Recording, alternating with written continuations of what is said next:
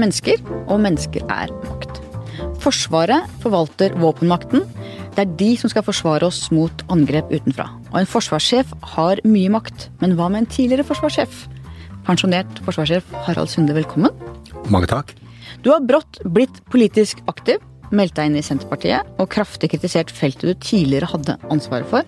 Burde du ikke sagt dette tydeligere den gangen du selv satt med ansvaret? Det skal vi komme tilbake til. Aller først reklame. Jeg hører på lydbok når jeg ligger på stranda i Sydney. Det er 38 varmegrader og hetebølge. Og da hører jeg på Roy Jacobsens 'Hvitt hav'. Det er veldig mye roing og sløying av torsk.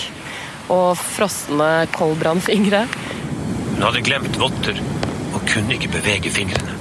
Og et par sekunder da klarer jeg nesten å se for meg hvordan det er å være skikkelig kald. Som om hun lette etter lus. Med Storytel får du ubegrenset tilgang til tusenvis av lydbøker direkte fra mobilen din. Prøv Storytel gratis i 30 dager på storytel.no skartveit. Harald Sunde, tidligere forsvarssjef. Jeg har invitert deg hit først og fremst for å snakke om Senterpartiet. Ikke for å bore i detaljer i partiprogrammet, eller hva Senterpartiet stemte når i Stortinget. Nei, jeg vil snakke med deg om hva det er ved deg som gjør deg til en typisk senterpartist, om landet vårt og om tiden vi lever i. Hvordan ser du selv den typiske Senterpartivelgeren? En Senterpartivelger er en person som eh, bryr seg om medmenneskene. Som eh, forstår at det er viktig å ivareta hele landet. Som eh, gjerne ser at sentralisering går utover det lokale selvstyret og nærheten til maktapparatet, og som velger Senterpartiet også av den grunn. Tror du at du ville meldt deg inn i Senterpartiet hvis du var født og oppvokst i storbyen? Ja, det tror jeg. Jeg har bodd mange steder, både i Norge og i utlandet. Og jeg har bodd i kjempestore byer, og jeg har bodd i småbyer, så jeg kjenner både by og bygd. Det er ikke det det dreier seg om, det er et verdivalg som er like viktig for de som bor i byen, som de som bor på landet. Har du alltid stemt Senterpartiet? Nei, det har jeg ikke gjort. Nei. Hvor kom du fra? Politisk? Ja, jeg kom vel Ja, jeg har både vært innom Høyre, og jeg har vært innom Arbeiderpartiet. Men nå er Senterpartiet for alle penger? Ja, jeg valgte det standpunktet også. For å markere når jeg nå uttaler meg i forsvarsspørsmål, så er ikke de yrkestekniske tingene jeg snakker om, men jeg snakker om rammevilkår og utfordringene og forutsetningene for Forsvaret, og de er alle politiske. Og da ønsker jeg at jeg har et politisk ståsted, slik at jeg ikke verken kritiserer mine kollegaer, som gjør en utmerket jobb, og ikke går inn i det tekniske militæret, men ser på, virkelig på den politiske forutsetningen for det forsvaret vi har. Er Senterpartiet fortsatt stort sett bøndenes parti, sånn som du ser det? Nei, på ingen måte. Jeg tror Senterpartiet appellerer til mange. Vi er jo et folk som liker å bruke hele landet. Det er jo så typisk norsk å ha en hytte på fjellet eller ved sjøen. Vi har båt, og bare følg Turistforeningens løyper, så ser du at Norge og nordmenn virkelig bruker hele landet vårt. Og det er Senterpartiet er egentlig til, tror jeg, for de som skaper og har et verdivalg hvor de ser det lille også i det store. Senterpartiet er jo det aller tydeligste nei til EU-partiet. Hva stemte du i 1994? Ja eller nei til EU? Nei. Du stemte nei, ja. så der er du trygg? Sett med Senterpartiøyne. Ja, der er jeg veldig trygg. Ja. Du har sagt at distriktspolitikk er god forsvarspolitikk. Hva er viktigst for Senterpartiet, slik du ser det? Distriktsdelen eller forsvarsdelen? Ja, det må jo være altså forsvarsdelen. Fordi noe som fikk øynene opp for meg, det var jo at, at Senterpartiet som en av de første partiene virkelig tok Natos målsetning med 2% av bruttonasjonalprodukt til forsvarsutgifter, tok det seriøst og, og, og, tok det inn i partiprogrammet sitt. Det var en, en viktig del når jeg gjorde mitt valg. Hvis du ser på f.eks. flystasjonen på Andøya som Senterpartiet ikke ønsker å legge ned, handler det da for Senterpartiet mest om forsvarspolitikk eller om distriktspolitikk og arbeidsplasser i distriktene? Ja, selvfølgelig begge deler. Eh, men samtidig så, eh, så, er det viktig at vi har et forsvar som er eh, så nær folket at vi ikke mister den nærheten mellom folk og forsvar. Og min personlige mening, sett med kunnskap om både ja, de fleste militære anlegg her, så mener jeg at det er viktig for oss å beholde Andøya. Av forsvarspolitiske, Av forsvarspolitiske hensyn. Senterpartiet er et tradisjonsbundet konservativt parti. Vil du kalle deg selv en konservativ mann? I enkeltområder så er jeg absolutt konservativ, og i andre områder så er jeg forhåpentligvis, og det tror jeg mange som kjenner meg eh, har sett også, både nytenkende og kreativ, og ser og finner nye løsninger. Syns du Senterpartiet er spesielt kreative? Jeg syns ikke det, bare for å flagge det. Eller nytenkende? Mm, ja, det er vel ikke det mest moderne partiet vi har, for å si det forsiktig? Ja, men sett utenifra så er det veldig lett å angripe når man altså eh, oppfattes som konservativ, og kanskje i dagens politiske landskap hvor reformer og modernisering og massevis av sånne buzzword brukes for nærmest som at det er nødvendig og det må til for at vi skal overleve. Og så sier man ja, men vent nå litt, se på de verdiene, hva er konsekvensen av denne sentraliseringspolitikken? Går det til det bedre, eller er det bare slik at man må være moderne i gåseøyne, og så er alt som forandres godt? Jeg har hatt eh, store deler av min militære karriere har jo gått med i å omstille Forsvaret. Omstille store prosesser og se på eh, og virkelig sitte og vurdere hva som er konstruktivt nytt, og hva som kan føre til også konsekvenser du ikke har, eh, ser i, i nuet. Slik at eh, Senterpartiet ligger nok både på den nytenkende siden, men også et fokus på at det er noen verdier som det er viktig å ivareta. Norge har jo kanskje en av verdens beste distriktspolitikker. Vi trenger bare gå til Sverige, hvor du har glesbygdene og veldig nedbygde distrikter. Jeg har ofte tenkt at Senterpartiet har vært veldig veldig opptatt av å bevare hver eneste lille kommune. Noe som har ført til at veldig mange flytter rett inn til Oslo. Hvis man hadde lagt mer fokus på regionale sentre, på å bygge opp sentre ute i Norge som er større og ikke så tettbygde i hver bygd, så hadde du kanskje ikke hatt så sterk sentralisering som det man har hatt her, da. Ja, men Sverige er jo et godt eksempel på at, eh, at, sentraliseringen, når den prosessen starter, så blir det en veldig sentralisering å finne et hvilesteg midt imellom. Jeg er ikke så sikker på at det er, eh, at det er riktig. Eh, og, men folk flytter uansett. Kanskje det, hadde vært bedre hvis de flytta til Bodø eller Tromsø eller Alta enn at all, veldig mange flytter rett til Oslo? Ja, men derfor må vi bruke politiske virkemidler for både å skape arbeid og sikre at vi bruker og tar hele landet i bruk. Eh, for eh, ser vi hele landet, om det er Vesterålen, Lofoten, Finnmark, kystfiskerne, fiskeoppdrettet, eh, alle de små bedriftene som finnes, og alt det personlige initiativet som finnes utover det ganske land, så er det altså bemerkelsesverdig hvor, hvor mye det er. Eh, vi er jo et rart land, vi liker å se på Norge minutt for minutt, om det er langs kysten eller over fjellet, men bare se på sommertoget nå. Toget stanser på de små stasjonene, og mennesker møter opp med sine produkter, med sitt initiativ, og dugnad er et godt norsk ord. Det er dette vi skal ivareta, dette har en verdi, og klarer vi å sikre at vi ikke nødvendigvis skal lage store økonomiske klosser, selv om det er regionalt, eh, så må vi ta konsekvensen av den sentraliseringspolitikk som foregår nå. Et av, en av aksene, konfliktaksene i valgkampen nå ser vi jo er eh, elite versus folk flest. Oslo versus distriktene. Er det en reell motsetning, sånn som du ser det? En av de verdiene jeg legger stor vekt på, det er at det er veldig liten avstand mellom det man kan kalle elite og folk flest. Det er en av de verdiene. Vi er ikke så forskjellige i dette landet, og vi, vi blir gitt muligheten til det. Jeg Hvor plasserer du deg selv som tidligere forsvarssjef? Er du elite, eller er du folk flest? Ja, jeg er absolutt veldig jordnær og som folk flest, og, og derfor valgte jeg Men du er elite òg? Ja, eh, ja, og derfor er det en veldig liten forskjell veldig liten forskjell. Selv om man eh, har vært eh, og hatt en, en maktposisjon, så, så, kan man allikevel eh, være veldig jordnær og nær folk flest. Og det er en verdi. Men det som bygges opp som et motsetningsforhold, partilederen i Senterpartiet, din mann, han kjører en relativt populistisk linje, du kan kanskje kalle det en agrarpopulisme. Altså han kjører veldig opp, han er folk flest, de inn i Oslo, vi ute i distriktene. Noen har sammenligna han med Norges svar på Donald Trump, Trump i en mye mer godmodig form, selvfølgelig, men som spiller opp under motsetninger som kanskje ikke er så dype som det han vil ha det til. Jeg håper jo inderlig at det er en stor eh, distanse mellom eh, Trygve Slagsvold Vedum og Donald Trump. Ja, det er det. og at de fleste ser det. Eh, fordi det som er, eh, som jeg ser, som er viktig, hvis vi går inn på, på, på landbruk og vi ser på på landet vårt og hele landet, det er jo at vi ligger i en klimasone som det helst ikke skulle vært eh, vokst noen ting. Og vi har klart gjennom generasjoner å utvikle dette landet med noe av den reneste maten, den beste husholdet. Eh, og derfor så må vi også legge til rette for primærnæringene.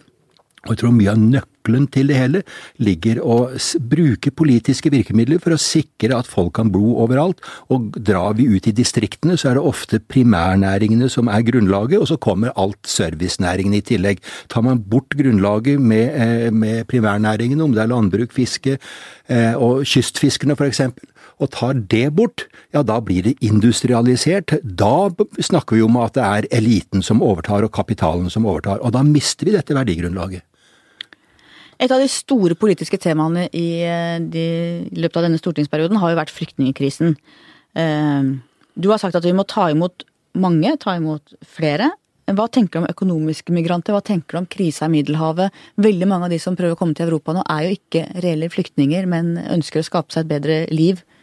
Eh, som man kan forstå, men som like fullt jo ikke er bærekraftig for Europa å ta imot alle de som ønsker å komme hit. Ja, Det er viktig at vi først ser at det er millioner av mennesker som er i dyp, dyp nød. Som flykter ifra krig og konflikt, og som så vidt har overlevd både den konflikten de flykter fra, og, og, og som vidt eh, mange ganger eh, overlever den fluktveien de har valgt. Alle de hundre og tusen som har eh, druknet i, i Middelhavet. Jeg har vært i mange konfliktområder og opplevd det på nært hold, og jeg mener det, den humane omtanke Nå gjelder det at vi bruker alt det hjerterommet som vi har fått, for å ivareta de som trenger vår beskyttelse og vårt vern for i det hele tatt holde seg i live. Og så kommer alle de andre som er eh, lykkesmeder og som prøver også, eh, å få et bedre eh, liv. Selvfølgelig så kan ikke vi ta imot alle. Og det er vel ingen som mener, men vi må eh, nå vise all den humane hjerterom vi har for å hjelpe folk i nød. Og dette er et kollektivt problem som ikke bare er norsk, det er i Europa, det er en vestlig, det er en rike verden, og det må hjelpes også der de kommer ifra. Senterpartiet har jo vært blant de strengeste i flyktningkrisa høsten 2015. Kjente du igjen ditt parti da?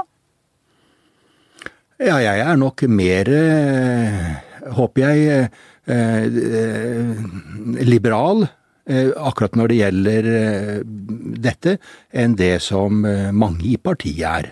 Så der er du nærmere SV, egentlig? Ja, jeg vet ikke det, men jeg, jeg, jeg har sett så mye elendighet i, i, verden at jeg kan ikke annet enn å bruke egen, mitt eget hjerte når jeg ser mennesker i nød. Det skjønner jeg, du har sett mye. Det skal vi mm. snakke om seinere òg. Ja. Og så er du opptatt av matvaresikkerhet. Hvorfor det? Vi har et sårbart samfunn gjennom at eh, hele produksjon, omsetning, logistikkendringer går fra produsent til konsument. Det ligger ingen kjempestore lager med mat eller korn, eh, noe slik at når butikkhyllene blir tomme, så er det bare å gå på lageret sånn som det var i gamle dager. Eh, dette er jo den måten som moderne logistikk er innrettet, og derfor så må vi gå inn og se på hvilken sårbarhet eller hvor robust er et sånt system. Eh, og mitt engasjement startet egentlig når jeg ble klar over at selv såkornet vårt hadde gitt opp. Og så har de heldigvis laget lager av såkorn, eh, fordi noe av det som merker seg først når man er i nød, det er at vi blir sultne. Så det å sikre matforsyning til folket, sikre vannforsyning, se på samfunnsordningen hvor sårbar vi egentlig er. Og så har det vært mitt eh, lodd i livet eh, som eh, fagmilitær å tenke av og til hva skjer dersom? Altså, noen må tenke de, de fryktelige tankene. For gjennom å tenke de fryktelige tankene, så forstår du også hvor sårbare vi er. Eh, og da har jeg også engasjert meg utover selve det forsvarsmessige på samfunnets eh, sårbarhet. Fordi eh, så lenge alt går vel, så er det ingen som tenker på det. Har du egne lager i kjelleren med noen vanntanker og litt Nei, jeg er ikke kommet så Jeg har ikke kommet, kommet dit ennå. Men, men, jeg prøver å, å, å, å bringe temaet på bane, for det er liksom ikke leve meg og la resten fare. Dette er jo en, en samfunnsutfordring. Dette er Jeg tror tiden egentlig er inne for å ha en ny sårbarhetsanalyse, en sårbarhetsutvalg. Da snakker vi både mat og digitalisering og alt. Alt, absolutt alt. For verden forandrer seg så hurtig, og vårt samfunn forandrer seg så hurtig. Eh, og når du nevner det digitale rom, eh, hele denne cyberspace, eller det digitale rom, dette er et rom og et domene som er like viktig som havet, som lufta og som land. Og mye nyere. Eh, og mye, mye nyere. Og dette er noe som nettopp i disse dager bare er utfordret eller oppdaget en bitte liten del av. Jo mer og mer går jo på digital informasjonstransport, hvor vi ennå eh, ikke forstår hvordan det kan verken brukes eller ikke minst misbrukes. Jeg hadde tidligere sommer Silvia Ceres, en av de smarteste eh, Norge har, tror jeg, på, på hele digitaliseringen. Og hun snakket om Amaras lov.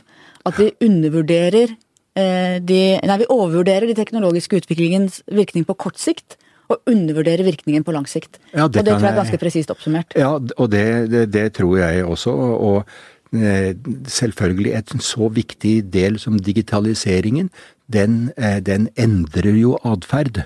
Eh, og det er jo bare å se på de, de, nære relasjoner, dine egne barn eller barnebarn i forhold til deg selv, og ikke minst nå du å tenke på eh, hvorledes vurderer du selv mengden av informasjon som mottas. Jeg holder jo mange eh, foredrag om eh, Eh, om, eh, fra, fra, fra, krigen. Ikke for å bruke krigen for å liksom minnes om den, men å illustrere at det vi ser og tar inn over oss på nyhetene, det har også skjedd her. Eh, den gangen krig rammet Norge, så hadde vi én kanal på NRK, og gjerne kanskje én avis i familien for de som hadde råd til det. Og i dag bombarderes du av både fake news og news, slik at og, og hvordan atferden endres ved å sortere og håndtere mer og lære av informasjon. Det tror jeg er en av de store utfordringene vi står overfor. Så digitalisering og mat. Om 25 år så er det altså 9 milliarder mennesker på jorda, anslår man. Hva tenker du om det når det gjelder matvare? Vi må være klar over at eh, det er jo FNs eh, anslag, og, noen, om de er optimister eller pessimister, vet jeg ikke, eh, som, som sier at det er mer enn det. Jordas befolkning vil øke mer enn det. Og det vil, sammen med velstandsøkningen, fordoble matbehovet i forhold til i dag. Og det betyr at vi må finne alternativer, vi må utnytte jordressursene eh, og produksjonsressursene på en annen måte, og derfor er det viktig for meg, og jeg er ikke bonde, eh, det er at eh, matjord det er faktisk et kvalitetsord. Matjord er altså noe av det mest eh, kultiverte vi har, hvor vi kan dyrke vår egen mat. Og du har vokst opp på bondelandet, ved Mjøsa, på Ring. Ja. Der produseres det mye mat. Fortell om oppveksten din.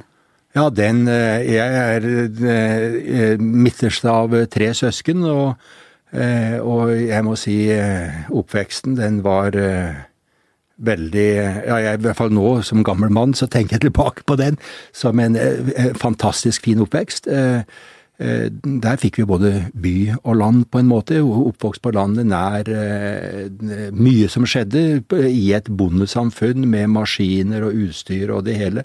Så er det klart mye spennende, og som du tar del i som, eh, som et barn. Samtidig så, så, bodde jeg jo tett ved et industrisamfunn med Moelven bruk, slik at jeg fikk med meg liksom det industrielle samtidig. Og, og videregående, eller gymnas, tok jeg på Lillehammer. Slik at eh, jeg eh, brenner jo for Mjøsregionen. Det er jo Norges tredje største by, hvis du slår en stor sirkel rundt de tre Mjøsbyene Hamar, Gjøvik, Lillehammer. Litt grisgrendt, da, hvis du ser på Ja, nei, vi har store parker. ja. Faren din var skog, skogbruksleder. Hva slags type var han? Ja, han var en eh, omsorgsfull og, og meget kunnskapsrik mann. Han jeg tenker i ettertid, ikke så mye den gangen, men i ettertid hvilke kunnskaper han hadde, hvor mye han hadde lest, og hvilke, hvor fantastisk kunnskapsrik han var. Men han var en mann av, av få ord. Men jeg tror gjennom den jobben så, så reiste han rundt i, i, hele bygda og drev skogbruket for bøndene. og jeg, jeg tror både han stelte godt med bygda, og bygda stelte veldig godt med han. Og moren din, hva gjorde hun? Hun var hjemmeværende, og så jobbet hun eh, delvis eh, på, et, eh, på kjøkken på, et, på en, en hagebruksskole som lå i nærheten. Og hvem av de to ligner du mest på, tenker du? Ja, utseendet så sier de andre at, at det ikke er tvil. Det er på min far, og kanskje sånn innvendig så er jeg vel å håpe en del av begge to. Du var aktiv i 4H, du har en ganske typisk sånn Senterparti-bakgrunn, egentlig? Ja, det er en uh, typisk uh, bygdebakgrunn. Det var, jo det, som, det var det som var. Enten var det speideren, og så var det idretten selvfølgelig, som jeg også drev i. Og så var det 4H. Dette er jo sånne barnevalg som kommer helt tilfeldig, for det var der flokken møttes. Det var der nabobarna møttes, og, og jeg må jo si jeg lærte utrolig mye gjennom de oppgavene jeg hadde. Det var kanskje i 4H jeg fikk interessen for geologi, og jeg ble jo tidlig, når jeg var ferdig med realskole og skulle gå videre til gymnas, så var jeg jo allerede da helt sikker på at jeg skulle bli geolog. Og da valgte jeg naturfaglinje og gikk den på, på Lillehammer. Eh, og var ennå, når jeg var ferdig der, helt overbevist om at jeg skulle bli mineralog. Så når sesjonen kom, så fikk jeg vite at der kunne man også ta befalsutdanning. Tok litt lengre tid, men da fikk man litt lønn. Og tenkte jeg yes, det hadde vært fint å ha når jeg skal ut og finne stein og mineraler. og dit kom du aldri. Var det mye fest på lokalet? Var du en festglad ungdom? Ja, det, vi var en veldig god flokk. Eh, vi, eh, det var eh, Altså, de jevngamle, det, det er jo slik at gjerne alder betyr mye mer i ung alder. Eh, men vi var en jevnaldrende flokk, sånn pluss-minus eh, to år, som holdt mye sammen. Så det var både fest på lokalet, og det var fest i byen. Men, eh, men det var et, et, veldig godt samhold i, og jeg kaller det fortsatt, flokken med gutter og jenter. Og dere har fortsatt kontakt? Ja, noen. Noen har reist bort og stiftet familie andre steder. Eh, eh, når jeg nå, etter 41 år i utlendighet fra bygda, flyttet tilbake igjen, så, så har jeg noen store utfordringer. For jeg møter jo gamle mennesker langs veien som roper 'hei, Harald'. De så jo ikke sånn ut da du dro. Nei, og det gjør ikke jeg heller. Nei. Men nettopp, du har jo flytta mye. Som familiemann så har dere flytta med egne barn 20 ganger med fullt flyttelass, de fleste gangene med ungene. Hvordan har det vært for familien? Hva har vært det beste, og hva har det vært det verste med et sånt liv? Ja, altså det, det, det, verste, det er jo rotløsheten. Det er Nå har vi jo hatt en sånn hovedbase med tanke på barn og videregående, ungdomsskole og videregående, slik at de har fått en, en, en god sammenheng der. Eh, men det er jo rotløsheten, og så kan du lett blir tatt av latskap fordi du kommer til et nytt sted, og skal du bare være der i to-tre år, så da er det ikke noe vits i å, å, å skape nye bånd og nære relasjoner, fordi det er så tungt å gå ifra de. Eh, men hvis du ikke gjør det, men hvis du går inn med, med eh, hår og hud og, og, og skaper relasjoner, og med åpent sinn, eh, som vi har gjort, så må jeg jo si jeg har fått utrolig mye, mye av det. Jeg er altså eh, så glad i alle de distrikter og områder jeg har bodd i Norges land. Fra Nord-Norge, fra Troms og, og Finnmark, og, og jeg bare tenker på det vakre Lofoten og Ofoten og Steigen og hele området der, og det samme på Vestlandet og på Sør-Vestlandet. Eh, for jeg kommer jo fra Østlandet. Eh, slik at det gir deg også utrolig mye. Så har vi vært heldige. Jeg har jo bodd eh, i USA, Tyskland, Nederland og Belgia og fått med impulser derifra. Men det blir jo et rotløst liv. Derfor er det godt å finne et sted hvor du kan pakke ut koffertene, hvor du på en måte hører hjemme. Og det har jo vært ditt yrkesliv som har gjeldt i familien. Kona di, hun gjort, og hvordan er det å være kone, tror du, i en sånn sammenheng? Ja, det er krevende.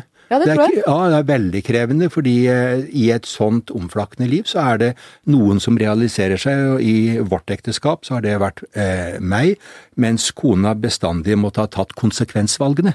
Og hun har jo drevet forretning og eh, med leiekontrakter på, eh, på forretningslokaler, på varelager og det hele, slik at det har vært tøffe tak for å starte på, avslutte, starte på nytt, og hele veien liksom håndtere konsekvensene. Tøff dame, da, eller? Ja, tøff dame. Ja. Som ung mann så reiste du jorda rundt et år, var sjømann og cowboy. Og nå kommer mine fordommer, da. Men hvor kommer denne utferdstrangen fra hos en ung mann fra Mjøsa? Jo, men det er jo typisk norsk. Det er lenge siden jeg har eh, sluttet å forundre meg over hvor i verden du treffer nordmenn. Eh, og det startet jo ikke der, det startet allerede med interrail-billettene og tilbudene på det, så jeg hadde ekstrajobb eh, på kvelden hele året jeg for å kjøpe interrail-billett og krysse fram og tilbake igjen år etter år i Europa. Så når det valget kom og jeg kom litt i stuss, skal jeg nå bli geolog eller militær, så tok jeg meg eh, fri. Og så reiste jeg jorda rundt eh, på ja, nesten mest primitive måte. I eh, Syr, Fjerne Østen, Midtøsten, Iran, Tyrkia, var i Nord-Afrika, USA Ja, jorda rundt. Og så den gangen så var det jo eh, en ordning hvor du kunne mønstre på norske skip, og så jobbet du som sjømann over alle havene. Så jeg har seilt også over alle hav. Alle de store havene. Og i voksen alder har du også vært mye ute, annet i Afghanistan. Hva er dine viktigste erfaringer derfra?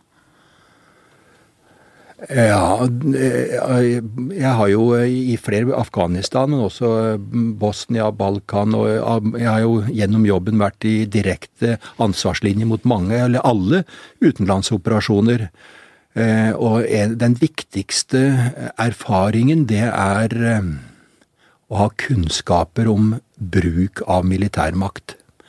Og kanskje ikke eh, ivre for, men eh, advare mot bruk av militærmakt. Er det ofte sånn at politikerne er mer ivrig på krig enn generalen og offiseren er? Fordi at de militære vet hva krigen koster, og det blir litt mer abstrakt for politikerne? Ja, det er ikke så kategorisk, men jeg tror nok at en, en politiker i regjering, når, når man gjennom sine internasjonale relasjoner, om det er i Nato-sammenheng eller i koalisjonssammenheng eller i FN-sammenheng, blir oppfordret til å stille styrker til konflikter, så er det på den ene side alt det konsekvenstenkningen rundt det, og de andre konsekvensene er vil jeg være utenfor, eller vil jeg være med på laget på sett og vis? Vil jeg være en del av koalisjon? Og det er to store krefter som også sliter veldig mot hverandre, og jeg tror nok at terskelen for ikke å være med, politisk sett, også er veldig høy. Eh, Og da er det det fagmilitære rådet, det vil da være å se eh, hva kan vi gjøre? Hva har vi kapasiteter til? Og hva vil konsekvensene være? Men ikke minst å fortelle hva kan vi ikke gjøre? Slik at vi ikke sender soldater ut i en eh, skarp konflikt eh, uten at de virkelig er skodd for å kunne løse de utfordringer de møter. Og hvordan vurderer du Russland som trussel nå? Jeg er bekymret for utviklingen i Russland i mange dimensjoner. For eh, Putins eh, gjenreisningsprosjekt har jo både en utenrikspolitisk side, hvor eh, også han vil make Russia great again. Eh, og bruker sine eh, politiske virkemidler der. Eh, har jo investert eh, betydelige summer i de eh, strategiske kapasitetene, altså atomvåpenkapasitetene. Eh, han har jo og bedriver geopolitikk eh, i eh, annekteringen av Krim og Øst-Ukraina. Geopolitikk eh, er jo kjent fra Nazi-Tyskland og Hitlers eh, annekteringer av territoriet, og derfor er noe av det viktigste i, eh, i folkeretten, det er altså nasjonalstatens ukrenkelighet og individets ukrenkelighet Som han jo har krenka nå. som han har krenket til de grader. Og så ser vi en utvikling i Russland hvor forskjellen mellom eliten og folk flest blir større og større. Det reinvesteres ikke i modernisering og arbeidsplasser. På landsbygda i Russland så lever folk i det dype fattigdom. Oligarkene bor jo ikke der engang. Og så er det en, en ny et, en ny klasse, funksjonærene som drifter og driver disse pengemaskinene, som da blir de nyrike. Og så går befolkningstallet ned. Eh, og i denne spenningen mellom eh, innenrikspolitikk og utenrikspolitikk, så er det lett å bruke utenrikspolitiske virkemidler for å, å, å, å fjerne de innenrikspolitiske utfordringer. Det hjelper å ha en ytre fiende. En, en, ytre fiende. Og så ligger eh, Og samtidig så utgjør Russland en så stor, betydelig territoriell del av Europa at for oss andre egentlig? Av, av, av hele verden og av Europa eh, så en så stor del at eh, vi i vår fredsstreben i, eh, i Vest-Europa vi må på sett og vis få Russland med i en dialog som gjør at, det, at vi kan beholde freden.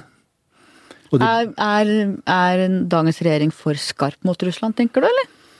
Eh, nei, fordi vi kan ikke tåle, vi kan ikke lukke øynene for hva som, som skjer i Ukraina. Eh, Jeg har altså dyp, dyp respekt eh, for alle folk som vant sin frihet tilbake når Sovjetunionen eh, gikk i oppløsning. Eh, Jeg selv er jo bare en etterkrigsgenerasjon hvor alt har blitt bedre. Fra jeg var født og til dags dato så har alt blitt bedre. Eh, og i møte med, mennesker fra Baltikum, Polen, Ungarn eller eh, Jugoslavia eller hvor som helst, og vi ser altså hvilken eh, Så skal vi være ydmyke mot deres frihet. Og Ja, Vi skal ikke forhandle bort den. Nei, Den skal vi ikke forhandle bort på noen som helst måte, men samtidig så må vi ha flere tanker i hodet samtidig. Eh, I Norge så er vi nabo med Russland, og det må også de andre vesteuropeiske og USA også forstå hvilken posisjon at godt naboskap det er viktig for freden i langt større eh, omfang enn bare Russland og Norge. Og hva med Donald Trump? Det er jo noe ganske så nytt. Og ganske så annerledes enn det vi er vant til. Ja, det er jo uh, utrolig. Ehm, vi er jo ikke vant til det. Det er USA som har fostret så mange store statsmenn som eh, etter annen verdenskrig hadde evne og kapasitet og vilje til å bygge et ruinert eh, Europa opp igjen. Eh, Så vi kan jo lese og se Donald Trump og hans, hans tvitring. Men det som, som jeg, jeg mener er langt mer interessant, det er jo det folket som valgte han. Og dette betyr for meg at det også i USA er eh, dype spenninger. Eh, Det er dype spenninger mellom etniske grupper, eh, hispanic og, og andre amerikanere. Det, de har klart på en måte å mestre eh, en del av forholdet mellom den farvede befolkningen eh, og, og de hvite. Eh, Men vi ser jo nå også i USA eh, raseopptøyer på nytt, og vi ser spenninger eh, som vi ikke skal altså lukke øynene for, som er bekymringsfulle. Det som også er bekymringsfullt, med er hans angrep på institusjonene. Oh, ja, altså ja. domstolene, på pressen, på alt som går han imot. At det er, for det kan på en måte sette varige spor på demokratiet. ikke sant? At det undergraver institusjonene som har båret USA gjennom sine mer enn 200 år som egen stat. Han manipulerer eh, og driver altså en, en, en supermakt etter eh, forretningsprinsipper, på en måte. Eh, Og ja, det er bekymringsfullt. Er det farlig for verdensfreden, tenker du, eller? Ja, det vi nå ser mellom altså munnhuggeriet mellom Nord-Korea og USA, det, det jo det var jo utenkelig for, eh, for eh, kort tid siden. Eh, Jeg kjenner litt til forsvarsminister Mattis. Vi har jobbet sammen. Og slik jeg kjenner forsvarsministeren, så er han en meget, meget klok mann. Så jeg sier ofte takk og pris at Jim Mattis er der. Ja, for han hadde mye å gjøre med norske styrker i Afghanistan. I Ja, han, eh, han, var, eh, han ledet den amerikanske styrken som gikk inn på Kandahar, og senere så jobbet han i, eh, i Nato i USA. Og jeg har møtt han mange, mange ganger, og, og, og han er en, en, veldig klok mann, en veldig belest mann, og, og en mann som er opptatt av historien og ser sammenhenger. Kan vi fortsatt stole på Nato? Ja. Det var betryggende. Et så klart svar. Ja, det er jeg sikker på. Jeg har jo hatt gleden av å være Norges eh, representant og leder i militærkomiteen. Eh, både som militærrepresentant og som forsvarssjef. Og eh, har bodd og, og vært i komiteen over, over, to år. Og jeg tror nasjonene nå som før er veldig opptatt av å, å holde både ehm, Atlanterhavspakten, men også solidariteten eh, ved like. Men samtidig så ser vi også i Europa at vi har eh, dragninger i Europa som ikke, lenger, ja, som ikke hadde tidligere. Nord, sør og øst, vest. Og vi ser også ehm, et Europa hvor, hvor vi får eh, høyreradikale oppblomstringer, og vi skal være veldig, veldig på vakt. Og nå er du altså pensjonist, out of business. Du har bygget hytta di helt sjøl, du er ikke spesielt god på å sitte stille, sies det. Og så mener du da angivelig at 60 år er for tidlig til å pensjoneres. Er det derfor du nå kaster deg for fullt inn i samfunnsdebatten? Nei, jeg, kaster meg ikke inn i samfunnsdebatten, men jeg synes eh, Jeg har jo vært med på eh, i min militære karriere fra den eh, kalde krigen, og den var kald som bare det, og det forsvaret vi hadde tidligere. Vi har brukt altså ressurser og anstrengelser og stått på og omstilt dette forsvaret i en, i en retning framover. Eh, og fra 2014 og til nå så har det altså skjedd dramatiske ting på den internasjonale arenaen. Terrorismen som skyller innover oss.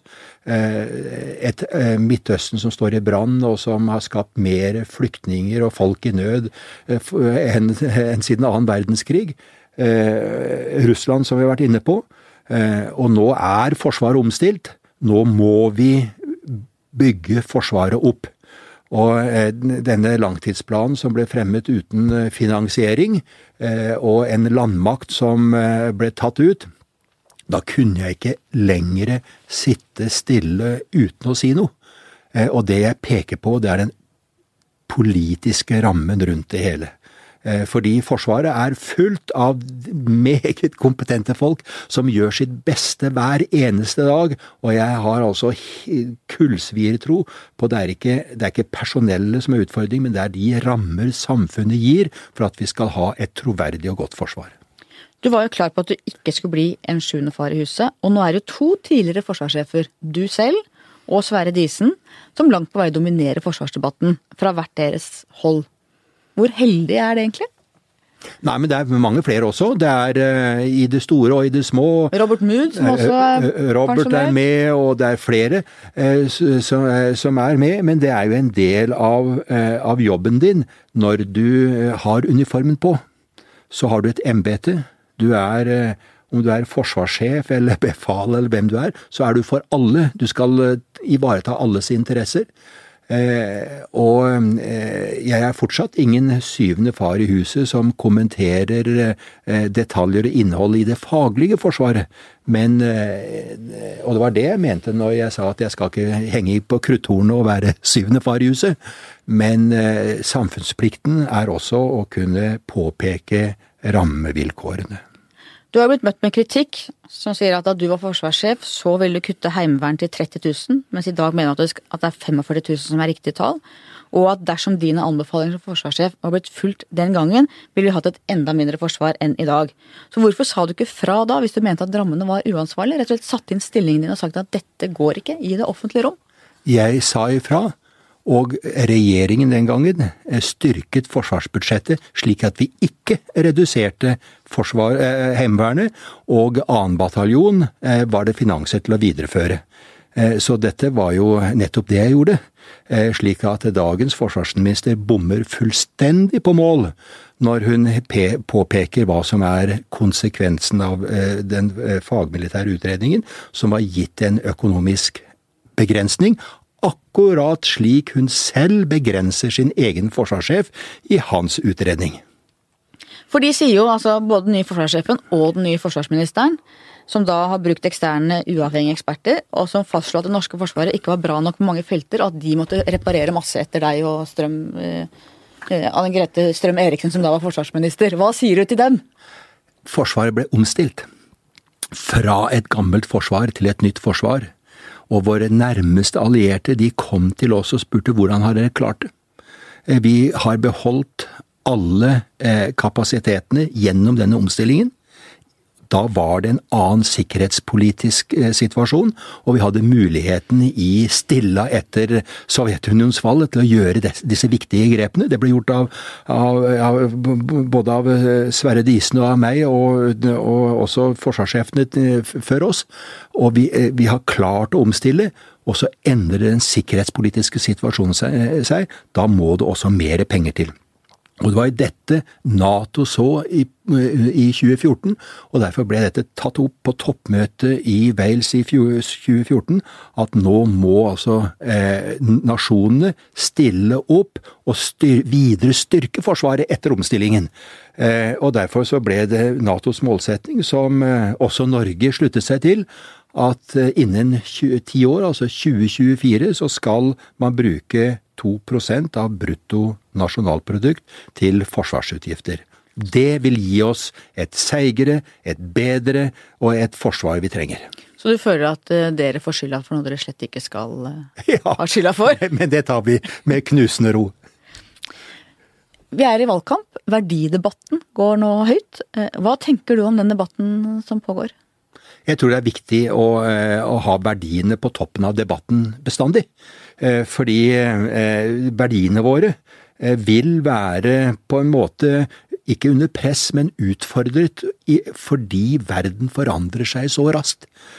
Og denne forandringen, denne teknologiske utviklingen, vi snakket om det digitale rom, det er ikke vi som sitter ved rattet. Vi håndterer konsekvensene av dette. Og Derfor så må vi gjennom denne konsekvenshåndteringen også tenke eh, langsiktig. Og vi må se på hvor bringer dette, hvilke valg skal vi nå ta langs denne veien videre framover. Og da vil verdigrunnlaget vårt være en trygg plattform å stå på når vi skal ta de valgene. Og så må vi vite hva ønsker vi, og er vi, hva er det vi ikke ønsker. Og hva ser du som norske verdier? Ja, det er eh, den nærheten eh, vi har. Eh, den korte avstanden mellom elite og enkeltmennesker. Det er mangfoldet vårt. Det er den friheten vi har. Jeg har bodd i utlandet. I Norge finner du sjelden et skilt hvor det står 'adgang forbudt'. Eh, det at vi har allemannsretten, at vi kan være rause mot hverandre. Dugnad er et slikt eh, eh, Og det er ikke et romantisk ord, men det er faktisk at vi vil noe sammen.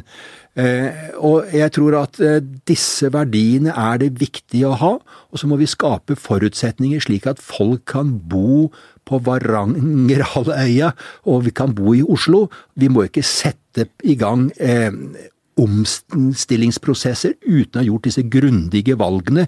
Eh, jeg er sikker på at eh, jo mer makt vi legger ned på kommunenivå og på fylkesnivå, jo, jo nærmere eh, føler folket at de er også maktapparatet, og det er viktig. Eh, nå, når vi ser nå på, på kommune- og, og, og fylkesreform, så er dette en organisatorisk, geografisk sammenslåing.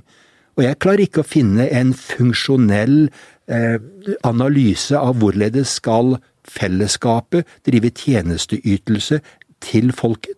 Det kan jo være noen prosesser som kan være veldig sentrale, og andre som kan være veldig lokale. Og ut av det så kunne vi fått et helt annet geografisk fotavtrykk. Som forsvarsmann, tror du at du har tenkt mer på dette enn mange andre, nettopp fordi at Forsvaret handler om å forsvare Norge? Altså Har du tenkt mye på hvilke verdier, hva er det du er villig til å gi livet ditt for å forsvare? Får du et mer reflektert forhold til det enn mange andre, tror du? I kraft av jobben du har hatt? Ja, men jeg vil ikke sette meg selv på noe pidestall og, og, og, lage noen sånn uh, glorie av det. Men jeg tror at uh, den prosessen, og ikke minst uh, når vi begynte å sende soldater ut i krigsområder hvor de kunne miste livet, hvor de, kunne, hvor de virkelig kunne se døden i øyet, Eh, så, mm, så, det eh, Så blir du mye mer bevisst verdiene dine. Er dette verdt det? Hva er det vi kjemper for? Eh, forholdet til eh, de menneskene som vi reiser ut og, og anvender vår militærmakt blant. Og den prosessen har nok også på sett og vis bevisstgjort eh, meg selv i forhold til våre egne hjemmeverdier. Og det har bevisstgjort meg på eh, hvilken sårbarhet Hvor sårbare vi egentlig er. Og hvor skjørt Og skjørt demokratiet er. Og Ja, og, ja, absolutt.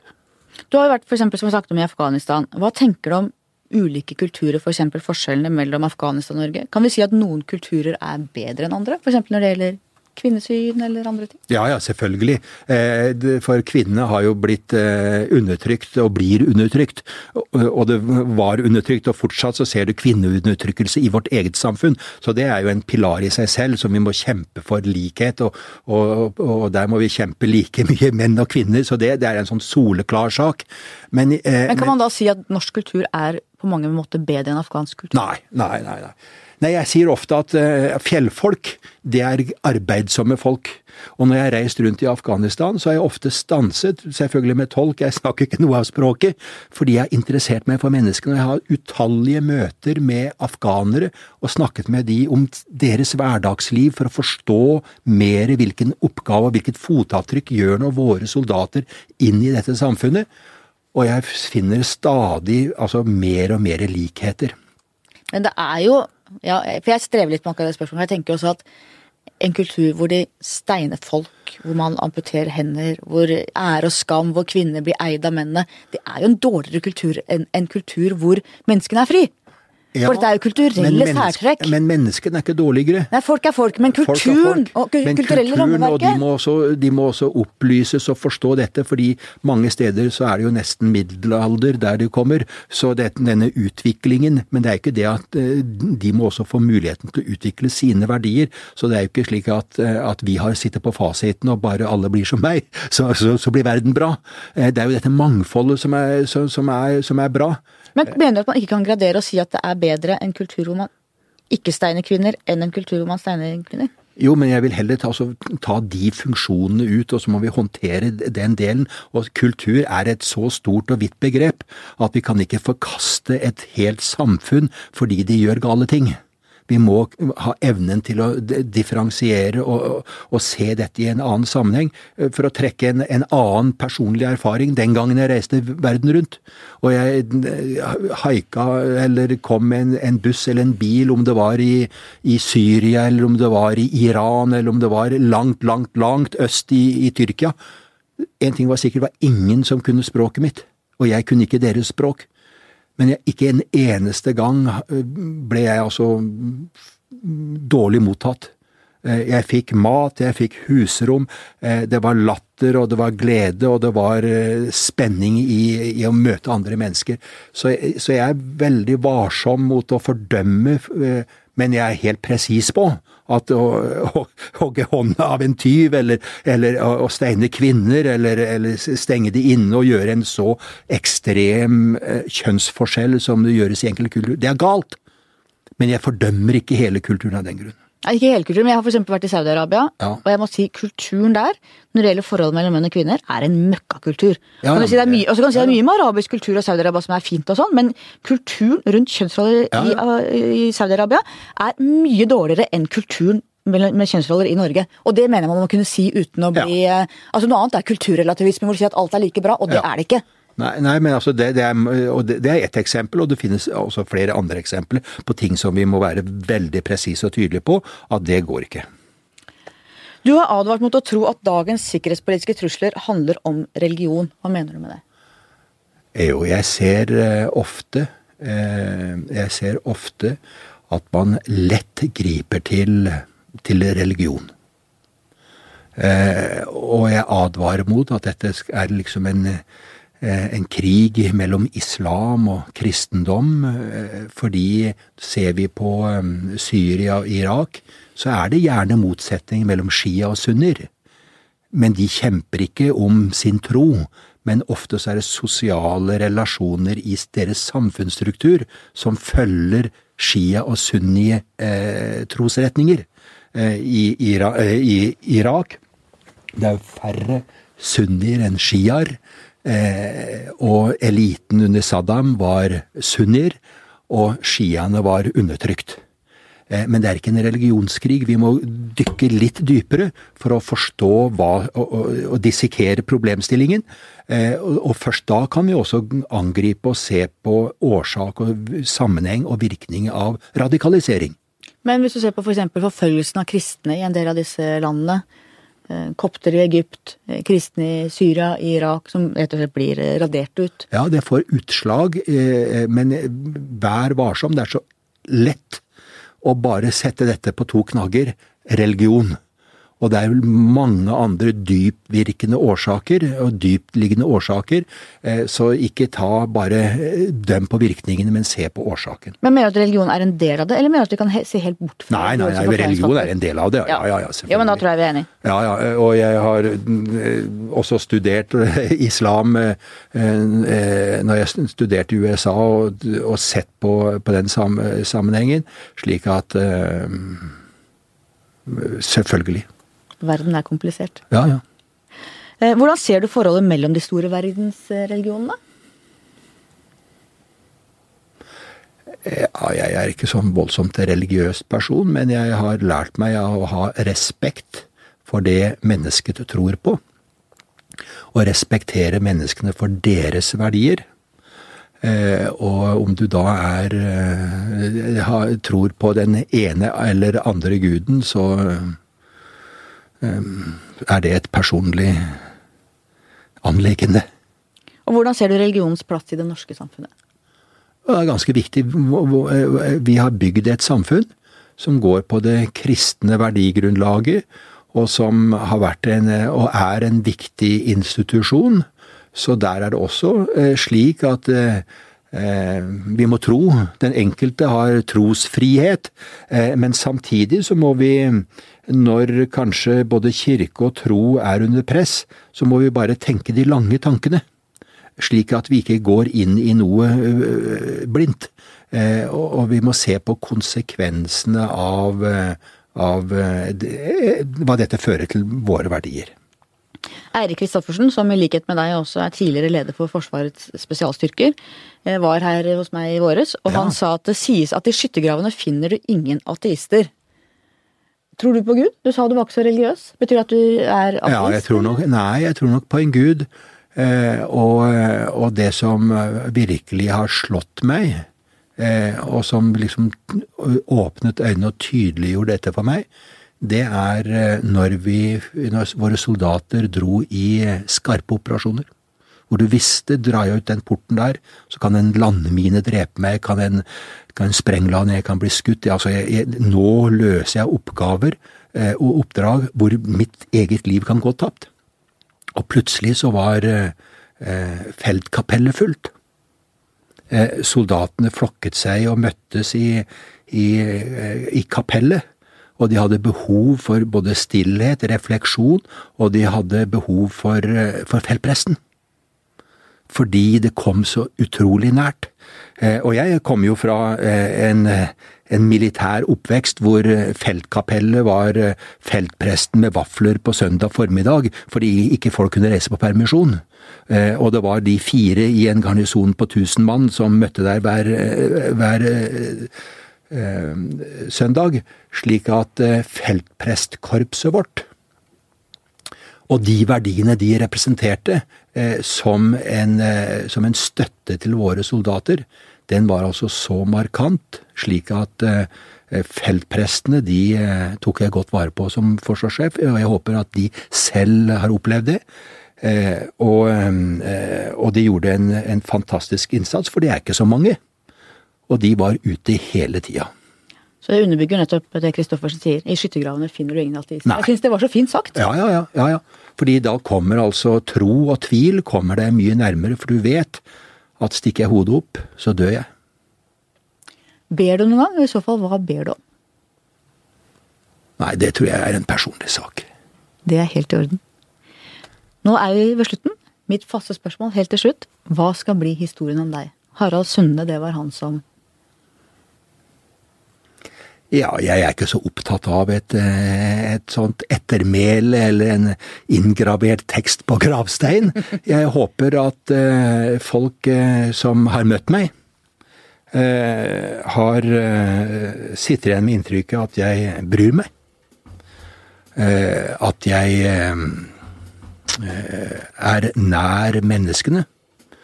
Og at jeg bryr meg om hvilke forutsetninger og konsekvenser eh, vi lever under. Ja. Harald Sunde, det var han som brydde seg. Ja, det er bra, det. Tusen takk for at du kom. Ingen årsak. Takk til deg som hørte på. Takk til researcher Grete Ruud, og til vår faste produsent Magne Antonsen. Vi høres igjen neste uke.